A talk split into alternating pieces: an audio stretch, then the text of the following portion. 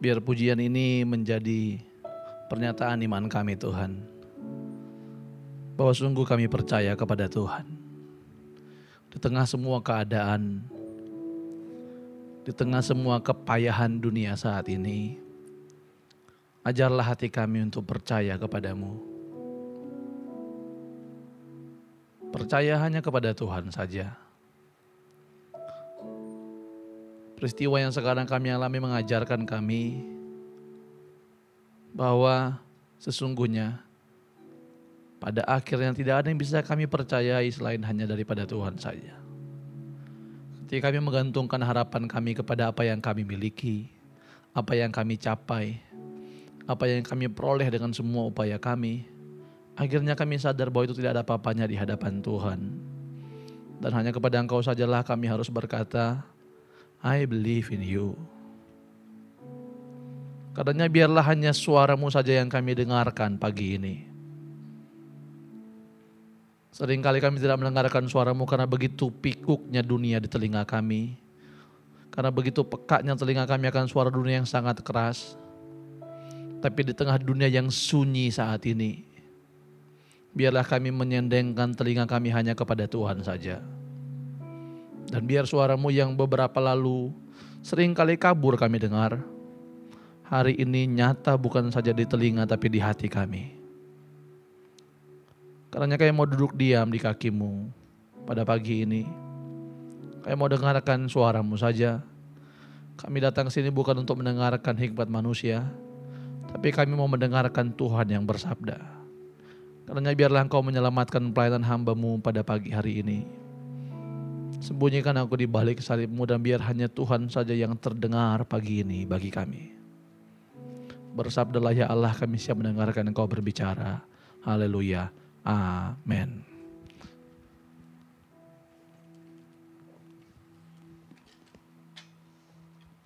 Baik, shalom.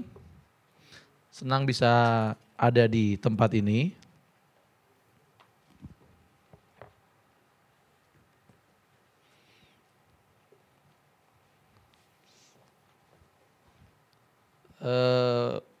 Waktu awal pekan saya diingatkan soal jadwal ini, saya sudah tanya masih ada ibadah minggu nggak itu.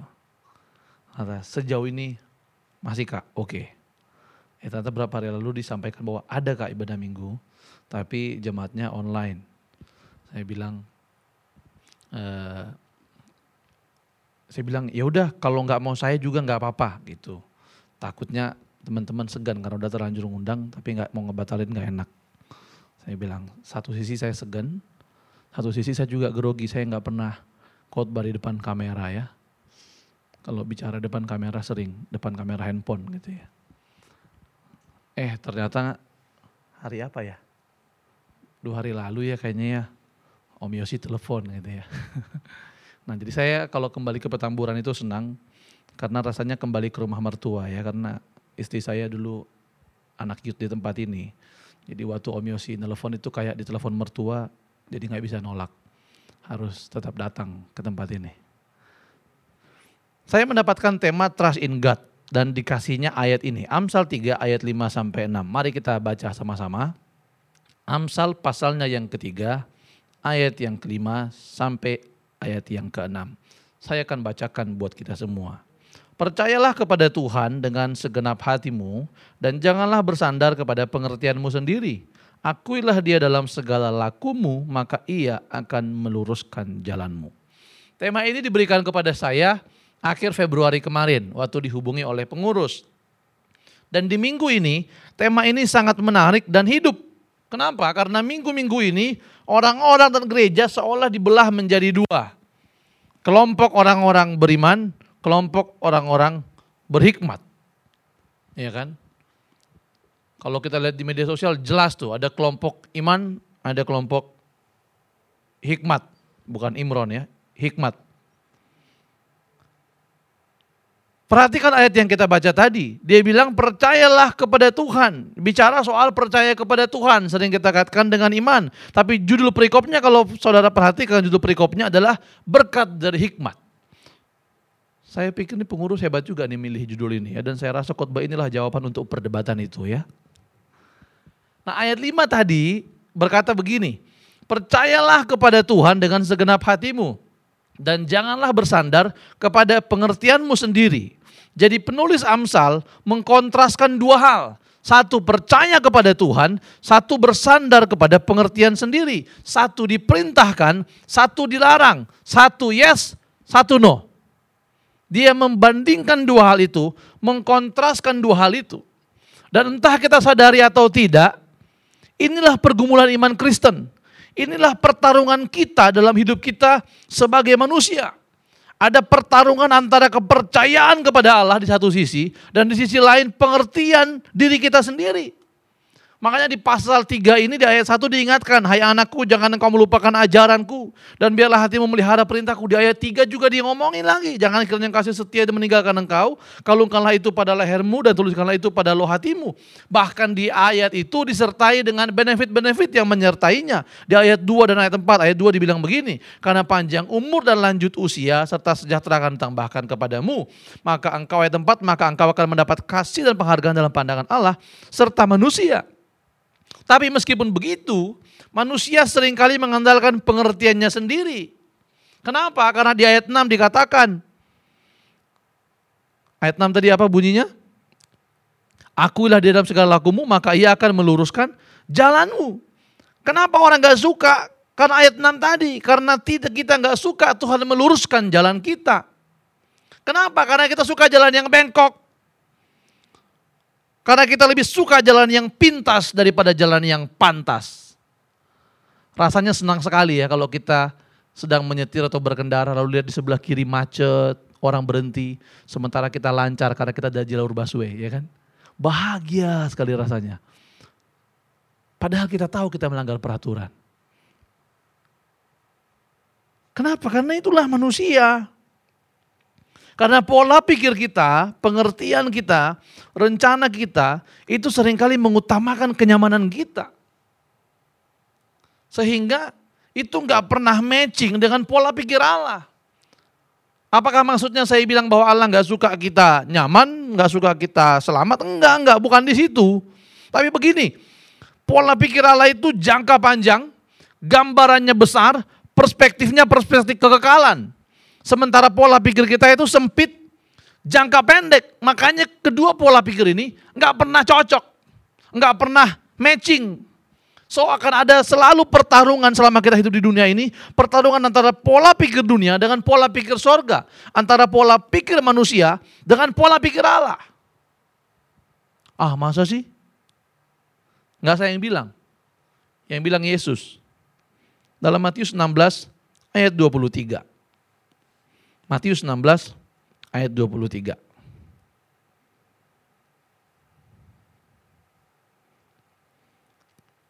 Yesus bilang begini, maka Yesus berpaling dan berkata kepada Petrus, Enyahlah iblis, engkau suatu batu sandungan bagiku. Sebab apa? Sebab engkau bukan memikirkan apa yang dipikirkan Allah, melainkan apa yang dipikirkan manusia. Jelas ya? Nah persoalannya kenapa Yesus bilang begitu sama Petrus? Lihat tadi di ayat 22.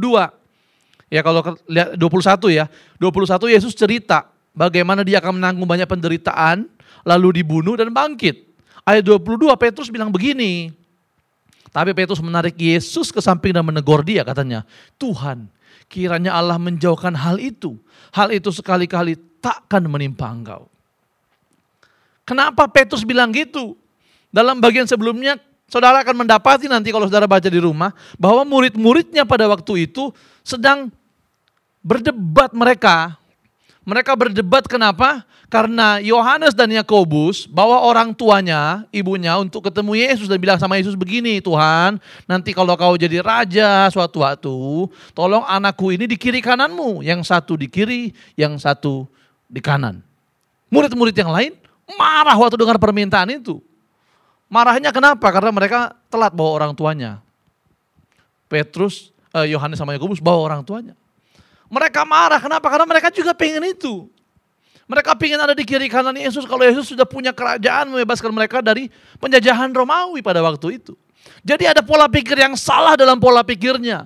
Bahwa ini kita ngikut dia nih supaya nanti kita jadi tangan kanan, tangan kiri orang-orang kepercayaannya lah.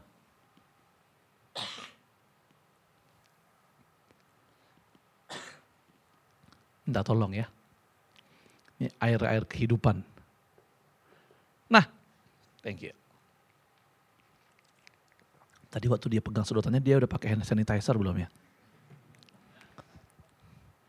Nih, khotbahnya percaya tapi takut. Jadi murid-murid itu punya motivasi yang lain waktu mereka ikut Yesus. Dia punya harapan, ada udang di balik bakwan. Sehingga waktu dia dengar Yesus bilang, aku akan menderita, aku akan disiksa, aku akan mati. Petrus bilang, wala impianku hilang nih. Dan dia bilang, oh Tuhan kiranya Tuhan menjauhkan itu daripadamu. Dan Yesus bilang apa? Nyala iblis. Engkau satu batu sandungan bagiku sebab engkau bukan memikirkan apa yang dipikirkan Allah. Melainkan apa yang dipikirkan manusia. Jadi jelas waktu kita memikirkan yang dipikirkan manusia. Kita sedang tidak memikirkan perikiran Allah. Dan itu boleh nggak? Nggak boleh. Makanya Yesus sebut iblis. So kita sering bilang, oh nggak apa-apa lah ya namanya juga manusia, wajar begitu. Tapi ternyata nggak wajar, kurang ajar. Makanya Yesus sebut iblis. Jadi kita nggak boleh punya pengertian sendiri. Kita nggak boleh punya pikiran sendiri. Nggak boleh kak? Ya enggak lah. Kenapa gini loh? Pertama begini, secara konsep sederhananya gini, kita sudah ditebus dan kita bukan milik diri kita lagi. So semua yang kita pikirkan haruslah pikiran Allah. Yang kedua seperti yang saya jelaskan di awal tadi, pikiran kita ini kecil, sempit, nggak sebanding sama pikiran Allah. Jadi yang perlu kita lakukan apa? Menyelaraskan pikiran kita dengan pikiran Allah. Agar pola pikir kita seperti dia, luas, besar, perspektifnya kekekalan. Bagaimana caranya? Percaya kepada Tuhan dengan segenap hati. Ya gimana itu kak? Gini contoh ya. Saya mau nanya. Berapa banyak uang yang saudara punya? Sebagian disimpan sendiri, sebagian ditaruh di bank. Mayoritas di mana? Simpan sendiri atau taruh di bank? Yang taruh, yang simpan sendiri yang ke tangan. Yang naruh di bank, ke tangan. Jelas gak angkat tangan aja di gereja aja gak angkat tangan apalagi ibadah online. Enggak, enggak, enggak. Jangan tersinggung ya yang nonton. Saya serius kok. Kenapa naruh duit di bank? Kenapa lebih banyak uang yang taruh di bank daripada yang dipegang? Lebih aman. Loh itu kan duit kita. Kok ngasih sama orang? Jawabnya kenapa? Karena saya percaya. Kita percayakan kredibilitas bank itu sehingga kita taruh uang kita di situ. Contoh lain, setelah ini tadi saya sama istri begitu di rumah udah rencana nih, wah nanti pokoknya habis yut kita mau makan. Di mana Bang Timin, nah, ya kan. Soalnya kita jarang sekali lewat sini. Tadi kita dua ngobrol mobil kita udah berapa tahun lalu lewat nggak lewat sini ya. Jadi ke Bang Timin. Kenapa kita mau makan di situ? Nggak takut diracun apa? Karena kita percaya. Beberapa orang memilih tempat makannya dengan hati-hati. Beberapa orang nggak mau makan di pinggir jalan. Iya kan? Wah nggak higienis, bahaya. Kenapa? Karena dia nggak percaya. So dia nggak makan. Saya tahu beberapa ada juga yang nggak percaya, tapi karena nggak ada lagi duit terpaksa makan di situ ya. Karena takut gak higienis, dia nggak percaya. Karena dia nggak percaya, dia tidak menyerahkan dirinya. Tapi waktu kita makan di satu tempat, artinya kita percaya. Sehingga kita menyerahkan diri kita di situ, makan makanan dia walaupun kita nggak lihat dia masaknya gimana. Saya punya beberapa kenalan yang eh, kalau terbang ke mana-mana tuh dia milih. Milih maskapainya, beberapa bahkan sampai memilih jenis pesawatnya. Jadi dilihat dulu, pesawat apa tuh? Kalau merek ini saya nggak mau terbang.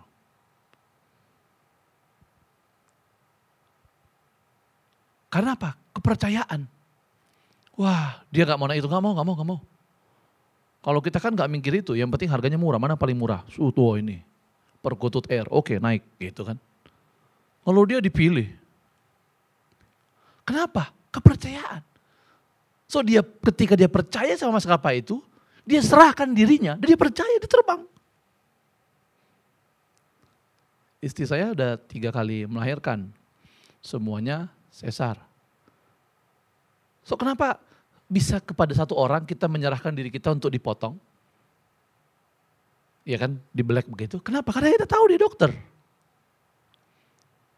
Sehingga kita percaya. Jadi percaya itu apa? Simpelnya percaya itu berserah. Waktu kamu percaya sama dokter itu, kamu serahkan dirimu. Waktu kamu percaya sama bank itu, kamu serahkan duitmu. Waktu kamu percaya sama maskapai, sama pesawat itu, kamu serahkan dirimu untuk dibawa sama dia. Waktu kalian duduk di kursi itu, duduknya tenang. Kenapa? Karena percaya sama kursinya. Tapi coba duduk di kursi yang peot, duduknya agak setengah-setengah.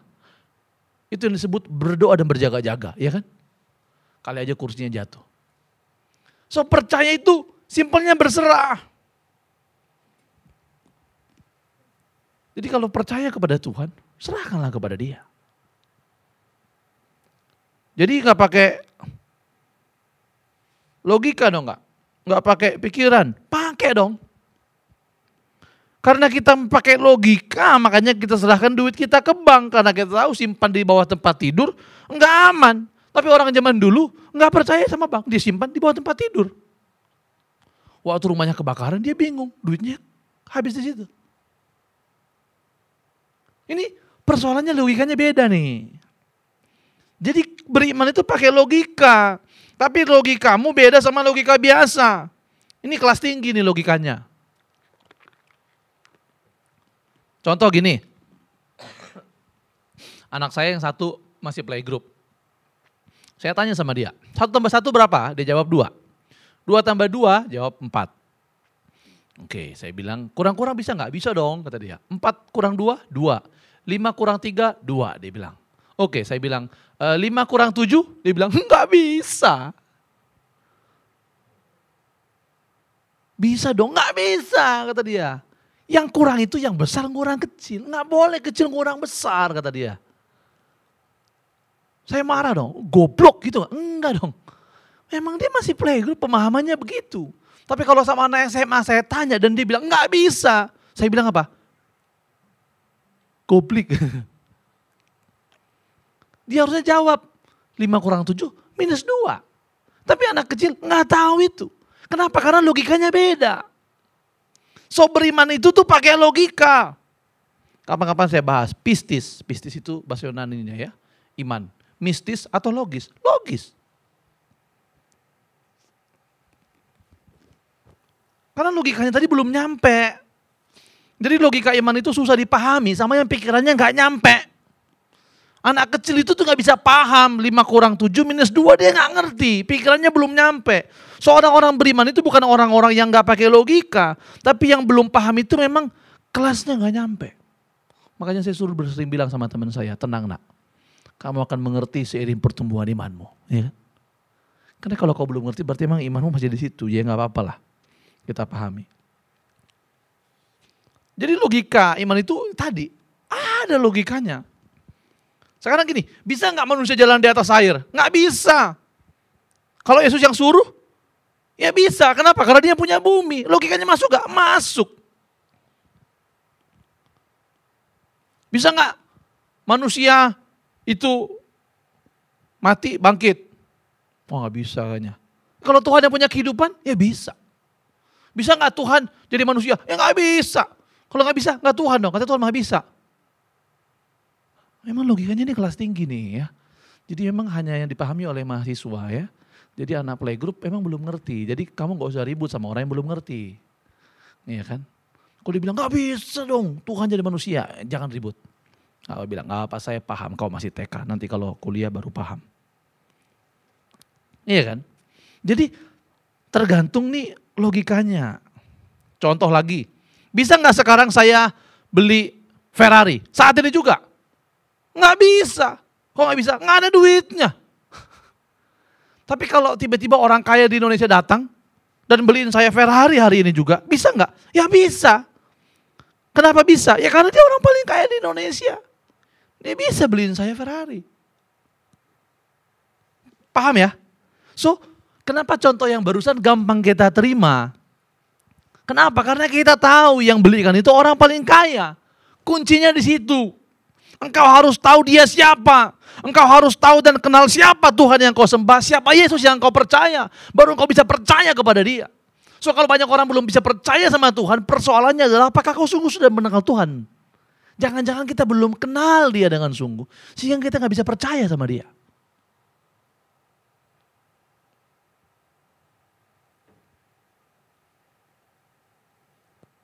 Dan karena engkau mengenalnya, engkau percaya kepada dia. Dan bukti engkau percaya, engkau mengakui dia dalam segala lakumu. Acknowledge him dalam segala laku. Dalam semua aspek kehidupan kita harus mempercayai Tuhan. Banyak orang suka milih-milih kan. Dalam A dia percaya Tuhan, kalau B nggak percaya Tuhan. Dipilih. Hidup ini kita pilih sesuai yang kita mau. Iya kan? Tuhan boleh campur tangan atas 10% penghasilanku, 90 persennya Tuhan jangan campur tangan. Hari Minggu Tuhan boleh atur hidupku, tapi Senin sampai Sabtu jangan Tuhan atur. Kalau pelayananku boleh Tuhan atur, tapi kerjaku jangan Tuhan atur, usahaku jangan Tuhan atur. Gerejaku boleh Tuhan atur, tapi mimbarku jangan, kata pendeta. Beberapa bilang semua boleh Tuhan atur, kecuali kantong kolektor. Karena kita suka memilih sesuai apa yang kita mau. Padahal kita harus mengakui dia dalam segala laku kita. Bukan saja hal-hal yang susah, tapi juga hal-hal yang sederhana. Tidak hanya hal-hal yang pelik, yang kita bingung. Bahkan hal-hal sederhana pun kita harus nanya. Tuhan mau gak ya aku ngelakuin ini? Apakah kita mengandalkan dia dalam segala laku kita? Untuk apa? Supaya jalan kita yang seni bengkok ini diluruskan oleh dia. Saya tahu persis bahwa ini bukanlah jalan yang mudah. Makanya di awal tadi saya sebut, ini pertarungan seumur hidup. Pertarungan seumur hidup. Antara percaya kepada Allah dan mengandalkan pengertian kita sendiri. Kita harus terus mengalahkan pengertian kita itu dan menaruhnya sesuai pengharapan kita kepada Tuhan. Jangan salah loh ya, ini ditulis oleh orang paling berhikmat yang pernah ada di muka bumi ini. Dan berkat dari hikmat itu dia kata, percayalah kepada Allah.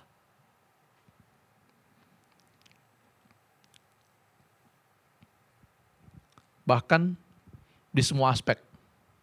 Kalau diterusin lagi tuh ya, ayat 9 bilang begini, muliakanlah Tuhan dengan hartamu, dengan dengan hasil pertama dari segala penghasilanmu. Ini bukan bos sulung yang lagi heboh di awal tahun, bukan ya. Tapi poinnya begini, harta kita itu harus memuliakan Tuhan. Kan sekarang ekstrim ya, kalau kita lihat di medsos tuh, ada ekstrim, wah apa-apa semua ini ini dianggap memanipulasi harta untuk gereja. Jadinya padahal, wah ini dianggap, oh nggak boleh gitu, nggak boleh ngasih sama sekali. Harus fair lihat firman Tuhan. Tuhan bilang apa? Muliakan Tuhan dengan hartamu. Salah satu muliakannya gimana? Ayat 27. Jangan tahan kebaikan dari orang yang patut menerimanya padahal kita mampu melakukannya. Ingat loh, katanya itu mampu, bukan mau. Bukan rela atau tidak, tapi mampu. Waktu kita mampu bantu orang, kita harus bantu. Meskipun kamu gak mau. Karena kemauan itu latihan. Beberapa orang bilang, persembahan itu kan harus dengan rela. Bukankah kita berkata, oh barang siapa memberi dengan rela, dia lupa tuh kalau buka Alkitab pindah aja ke satu ayat sebelum satu satu pasal satu lembar sebelumnya. Set. Paulus dengan jelas menulis bahwa kalau kau rela tapi tidak berdasarkan kemampuanmu, nggak ada gunanya. Karena soal rela itu soal latihan. Memberi itu soal latihan.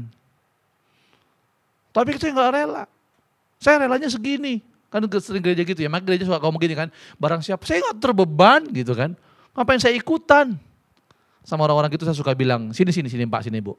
Saya akan berdoa supaya Tuhan memberikan beban yang besar dalam hidupmu. Sehingga hidupmu penuh dengan beban berat.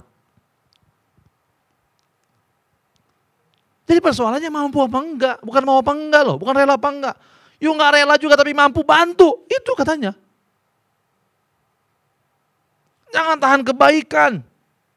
Ya, tuh dia terus tuh di di Amsal tadi itu.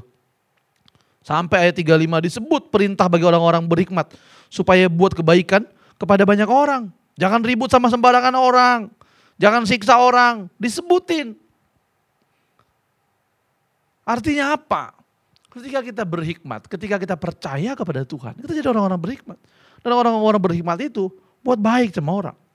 Orang yang percaya kepada Tuhan, dia pasti jadi berkat untuk sesamanya. Jadi kalau engkau percaya kepada Tuhan, kebaikan hatimu harus diketahui semua orang. Alkitab bilang hendaklah kebaikan hatimu diketahui semua orang, Tuhan sudah dekat. Parkir di mall berjam-jam, Bayar 20 ribu nggak masalah. Parkir di gereja ada latihan dari pagi segala macam. Ketemu tukang parkir ngasih 2 ribu aja bisa ribut. Ya kan? Gereja kami beribadah di gedung perkantoran. Saya bilang sama jemaat sama anak-anak muda, kalau hari biasa, saat pam itu tahu orangnya macam-macam. Tapi kalau hari Minggu dia tahu yang datang itu pasti orang Kristen. Kasih lebih banyak. Supaya dia tahu nih orang Kristen baik-baik. Itu memang harus diniatkan.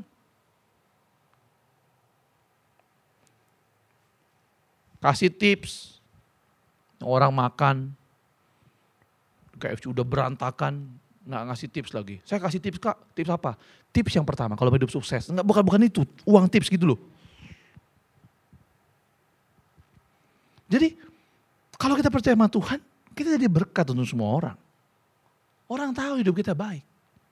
Makanya di ayat 2 ayat 4 tadi dijelaskan ada benefitnya yaitu apa? Panjang umur, lanjut usia, sejahtera, dikasih dan dihargai Allah dan manusia. Ya, itu poin itu gak usah dijelaskan, pasti ngerti. Yang lain yang kita perlu jelasin. Jadi saya sampaikan tadi ya di awal ya, bahwa perikop ini judulnya berkat dari hikmat. Jadi semakin orang percaya kepada Tuhan, semakin dia menjadi orang berhikmat. Memang kita hidup di zaman fatalistik, namun dengan kemasan bungkus yang bagus. Orang takut menyebut dirinya berhikmat, orang bodoh menyebut dirinya beriman. Kalau kita baca tuh tadi Amsal tadi ya, Amsal 3 tadi ya. Ini tadi saya udah lewat pengurus loh. Ini ayatnya ini ya, iya bener lah. Jadi kalau saya ngomong ini tuh berdasarkan ayat ini tidak bermaksud menyinggung siapa-siapa. Ayat 25 bilang apa sampai 26? Janganlah takut kepada kekejutan yang tiba-tiba dan kepada kebiasaan orang fasik bila itu datang karena Tuhan akan menjadi sandaramu dan akan menghidup hindarkan kakimu dari jerat. Firman Tuhan perintahkan kita jangan takut kok. Ini bukan berarti kita nggak antisipasi ya. Sejak awal virus ini datang, belum ada korban Indonesia, saya udah bilang sama anak-anak youth tempat saya. Hati-hati, jangan ke mall, jangan nonton, hindari tempat tempat keramaian, jangan kumpul-kumpul.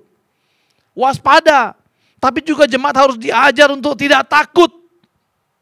Kita harus jujur sekarang bahwa banyak orang Kristen itu masih takut. Nonton dari Youtube baru keluar kemarin ya di Rut Garuda ngomong. Tiba-tiba kemarin banyak orang Indonesia heboh pada berangkat ke Singapura. Dan itu banyak orang Kristen. Kalau nanya kok tahu? Tahu lah saya. Tahunya dari mana? Enggak boleh dibilang ini kan live. Pokoknya tahu deh. Kalau pemilu juga di hari H pemilu itu, itu banyak orang-orang Kristen, orang-orang kaya itu yang kabur ke luar negeri. Memang nyanyinya ku tidak takut, tapi ku kabur. Jadi dan saya ngobrol sama beberapa gembala bahwa kan sekarang ini pemerintah udah larang emang ibadah ya untuk mencegah penyebaran. Jadi beberapa gereja men, keputusan itu diambil tuh setelah melalui pergumulan yang susah. Justru menurut saya itu yang benar. Karena dia perlu menguji hatinya apakah ini benar untuk mencegah itu ataukah karena ini menyembunyikan takutku ya Tuhan. Apakah engkau bisa memandang salib dan bilang bahwa keputusan ini ku ambil bukan karena takut Tuhan, tapi karena harus. Tadi lagunya bilang begitu kan. Ada kemuliaan di balik salib. Kita sering lihat kemuliaannya tapi nggak lihat salibnya. Bagaimana bukan cuma virus dari surga dia turun ke dunia untuk kita. Beberapa pendeta ngomong sama saya bahwa tekanan besar itu datang dari jemaat-jemaat yang menengah ke atas.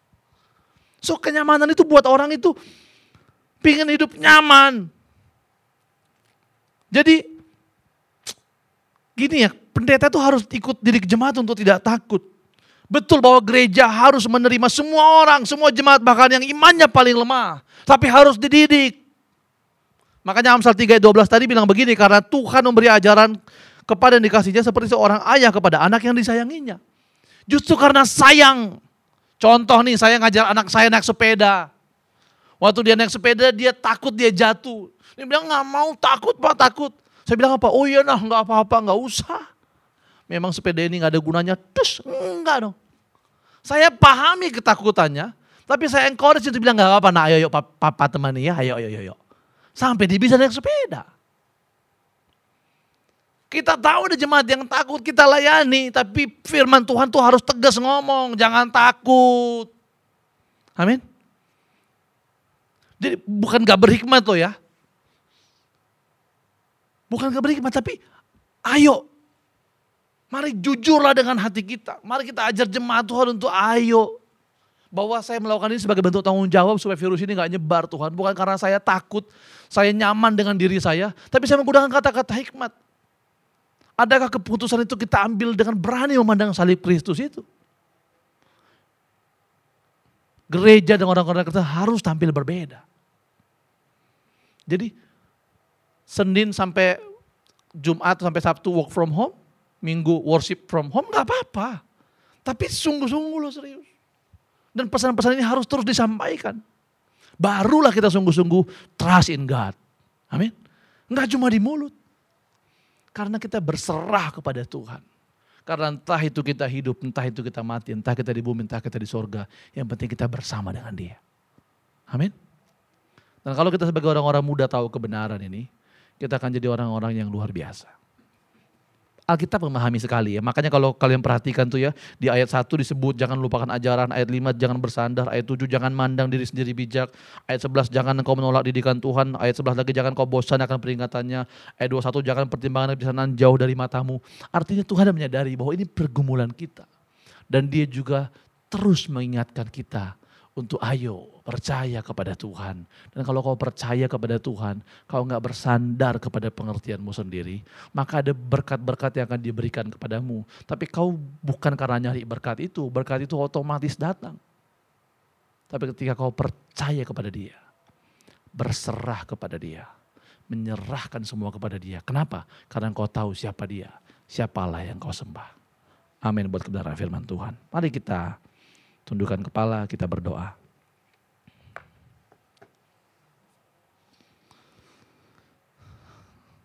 Terima kasih buat firman-Mu ya Tuhan, yang kau sampaikan kepada kami. Hambamu mewakili kami semua di tempat ini. Kami mohon ampunan-Mu. Dalam kehidupan kami ini, kami sering kali mengandalkan kekuatan kami sendiri. Kami mengandalkan pikiran kami. Kami menolak ajaran-ajaran perintah-perintah Tuhan.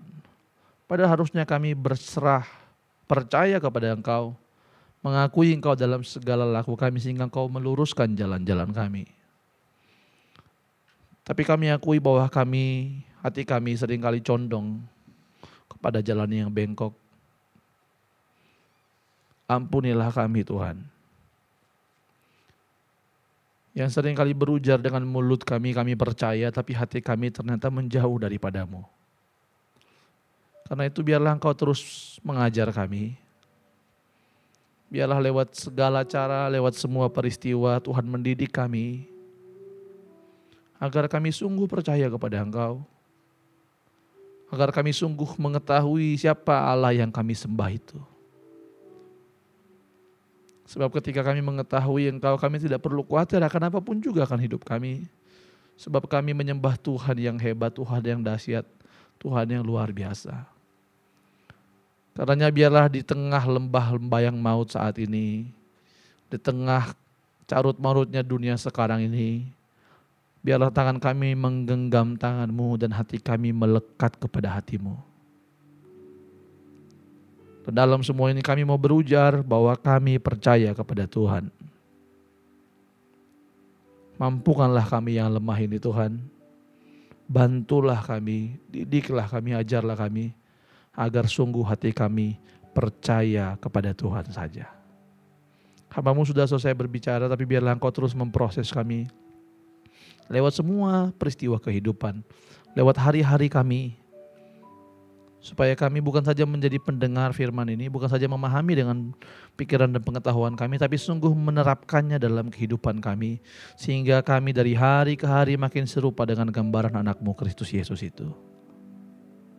Kami berdoa mengucap syukur, haleluya, amin.